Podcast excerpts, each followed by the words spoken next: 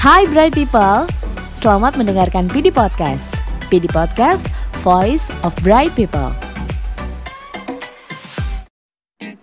Selamat pagi Bright People, selamat datang di PD Podcast Nah kali ini bersama saya Didit Dwi Yulianto Tim People Development untuk Partnership Distribution Nah di episode kali ini saya ingin membahas mengenai uh, bagaimana cara mengatasi keberatan nasabah gitu ya ketika kita melakukan proses penjualan produk asuransi melalui telepon. Nah, nanti ada tiga keberatan yang saya akan bahas ya keberatan utama nih saya nyebutnya. Jadi yang pertama itu biasanya keberatannya adalah ya dia udah punya gitu ya. Lalu yang kedua itu dia biasanya bilang mau tanya dulu sama pasangannya gitu ya. Yang ketiga ya dananya nggak cukup, banyak pengeluaran gitu ya, atau uh, banyak hal yang dia pikirkan terkait mengenai kondisi keuangannya lah intinya seperti itu. Oke, okay, Bright People sebelum kita masuk kepada inti apa yang kita bahas, saya ingin mengajak Bright People semuanya untuk yuk kita sama-sama berdoa gitu ya. Kita tahu bahwa uh, Indonesia sekarang ini ada ujian yang sangat besar, nggak cuma di Indonesia bahkan di dunia gitu ya. Dengan adanya wabah COVID-19 ini gitu ya. Nah, tentunya uh, kita sama-sama berdoa semoga gitu ya uh, kondisi ini cepat segera berakhir gitu yang kita bisa menjalankan aktivitas seperti biasa gitu ya uh, yang sekolah-sekolah yang kerja juga seperti biasa gitu ya bahkan yang berdagang gitu ya melakukan aktivitas di luar tidak ada ketakutan gitu dan semua intinya mudah-mudahan segera kembali normal seperti biasa oke okay.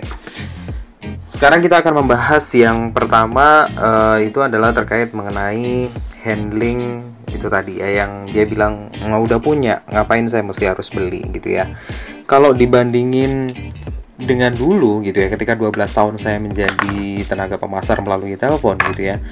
Memang kalau ngomongin tentang keberatan tuh ya ada-ada aja. Bahkan kalau misalnya ngomongin tentang udah punya tuh juga udah dulu pertama kali saya jadi telemarketing juga banyak nasabah yang udah bilang udah punya udah punya gitu ya.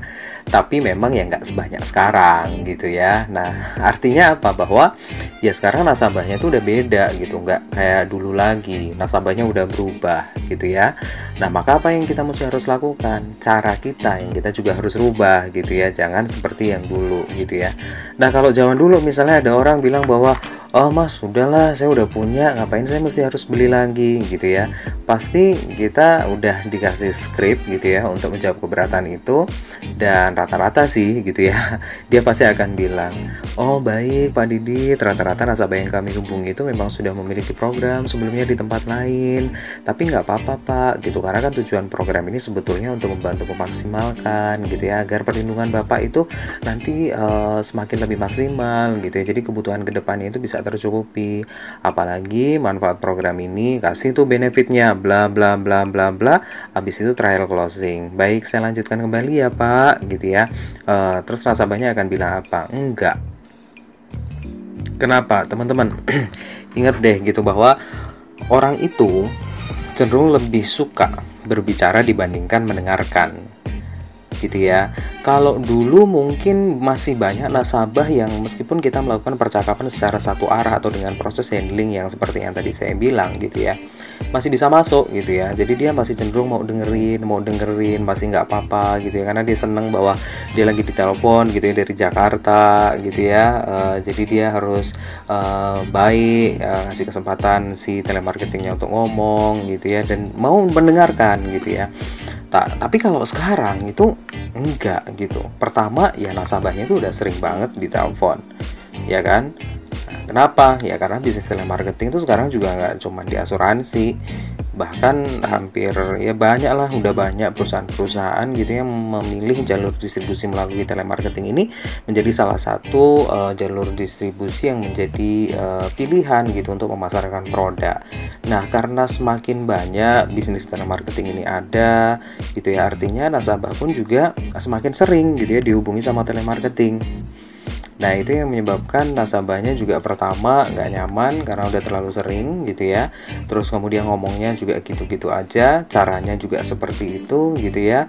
Jadi dia udah pasti kalau di awal bahkan yang lebih parah itu ada reject upfront ya karena dia udah nolak gitu ya karena ya udah tahu gitu bahwa ya nanti dia pasti akan ngomongin begini ya kalau nggak asuransi yang dijual, kalau nggak kartu kredit, kalau nggak uh, apa travel misalnya dan dan dan dan banyak hal gitu yang yang dia terima penawaran di hari yang sama itu gitu ya. Lalu sebaiknya seperti apa? Pertama, telemarketingnya harus berubah. Caranya ya caranya adalah kalau dulu misalnya kita selalu handling itu dengan satu arah, nggak bisa sekarang jadi kita harus berbicara wajar kepada nasabah, menganggap keberatan itu adalah sesuatu yang biasa gitu ya. Sehingga nanti yang terjadi ketika kita mau membuat orang yang tadinya nggak mau jadi mau itu gitu ya, ya kita berdiskusi. Kita mesti tahu gitu ya apa sebetulnya yang menyebabkan nasabah itu uh, menolak untuk melakukan proses pembelian kalau dia bilang udah punya, ya tanya dulu supaya kita tahu punyanya dari mana. Bahkan misalnya kalau udah punya kita bisa juga share ke nasabah gitu ya uh, terkait mengenai sebetulnya jumlah uang pertanggungan ideal itu berapa sih gitu yang kita mesti harus siapin ke uh, apa keluarga yang kita sayangi gitu. Ketika misalnya terjadi risiko terhadap kita supaya keluarga yang nanti kita tinggalkan itu ya masih memiliki kehidupan selayaknya ketika kita masih mendampingi ya keluarga yang kita sayangi itu gitu kan Nah, kalau kita banyak nanya, misalnya udah punyanya dari mana, kalau boleh tahu berapa jumlah uang pertanggungannya, manfaatnya berapa. Intinya semakin banyak kita bertanya, semakin kita banyak tahu gitu ya, semakin kita bisa memberikan solusi yang terbaik kepada nasabah sehingga pada akhirnya dia mau gitu ya untuk menambahkan eh, apa namanya perlindungan keuangannya gitu ya melalui produk yang kita tawarkan gitu ya teman-teman ya. Tanya misalnya udah punya dari mana. Kalau boleh saya tahu bapak jumlah uang pertanggungannya berapa? Ya kamu bisa share gitu. Sebetulnya jumlah uang uh, pertanggungan ideal itu berapa sih gitu ya? Kan kita bisa hitung misalnya dari pengeluaran bulanan gitu ya selama satu tahun gitu ya dibagi dengan bunga deposito gitu ya. Nah, sehingga nanti misalnya ketemu gitu idealnya tuh uh, misalnya uang pertamuannya harusnya disiapin 1 M.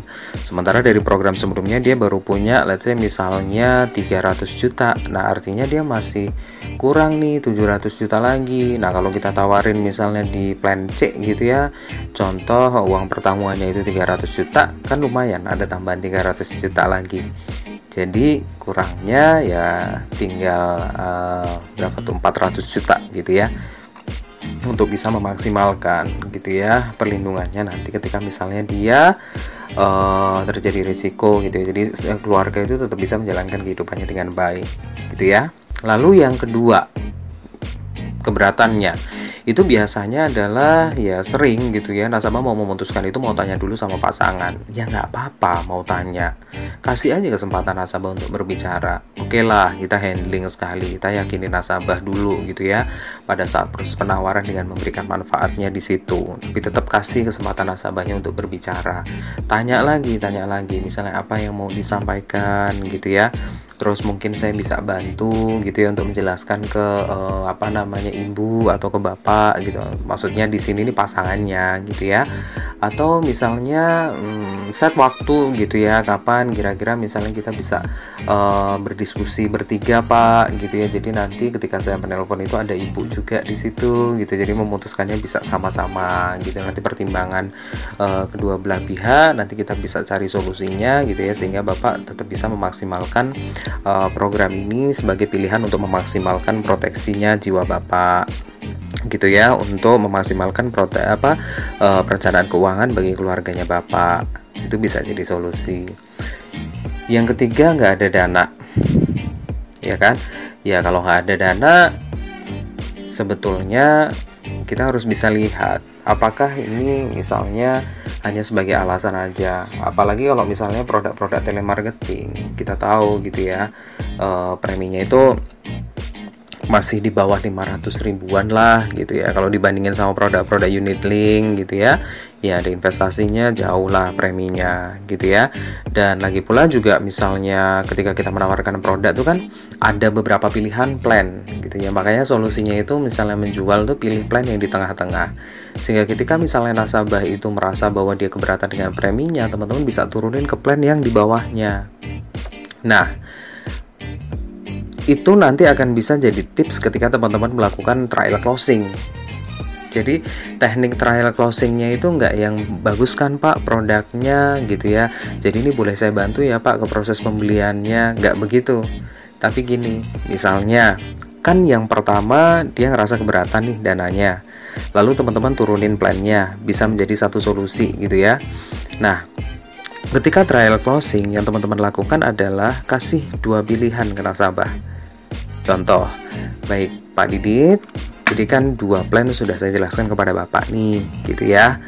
Nah, kira-kira kalau Pak Didit ini karena produknya kan bagus ya Pak ya gitu ya sayang jadi kalau misalnya lewatkan ini mau pilih untuk yang plan C gitu ya atau plan B Pak yang uh, Bapak mau pilih untuk dimaksimalkan nah psikologisnya nih teman-teman. Ya kita sambil uh, berdoa aja. Semoga nasabahnya memilih satu gitu ya. Ketika orang dikasih dua pilihan itu dia cenderung akan memilih salah satu di antara dua pilihan itu Nah itu salah satu teknik uh, trial closing gitu yang kita juga bisa sama eh, kita sama-sama ketahui gitu ya.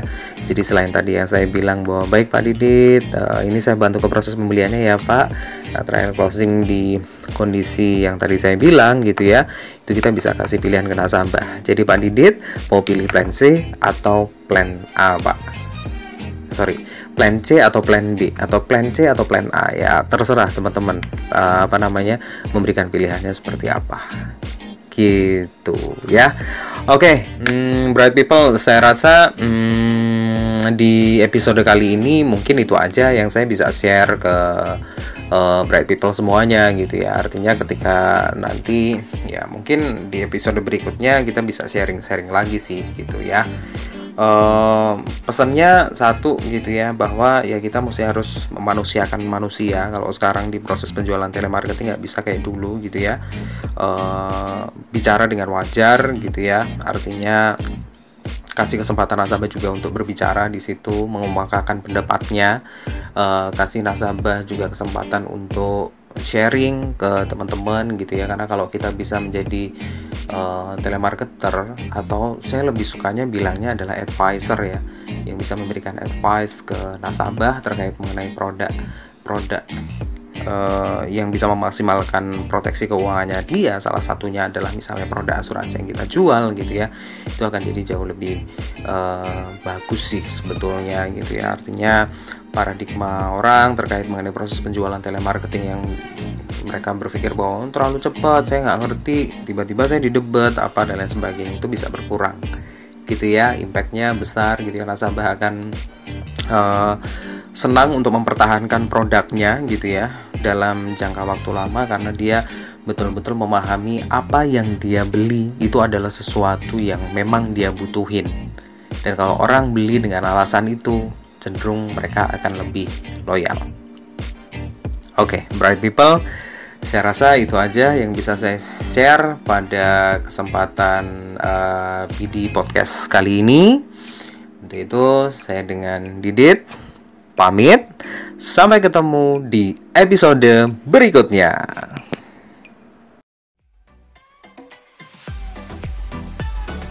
Hai Bright People, terima kasih telah mendengarkan PD Podcast. Tunggu keseruan PD Podcast episode selanjutnya ya.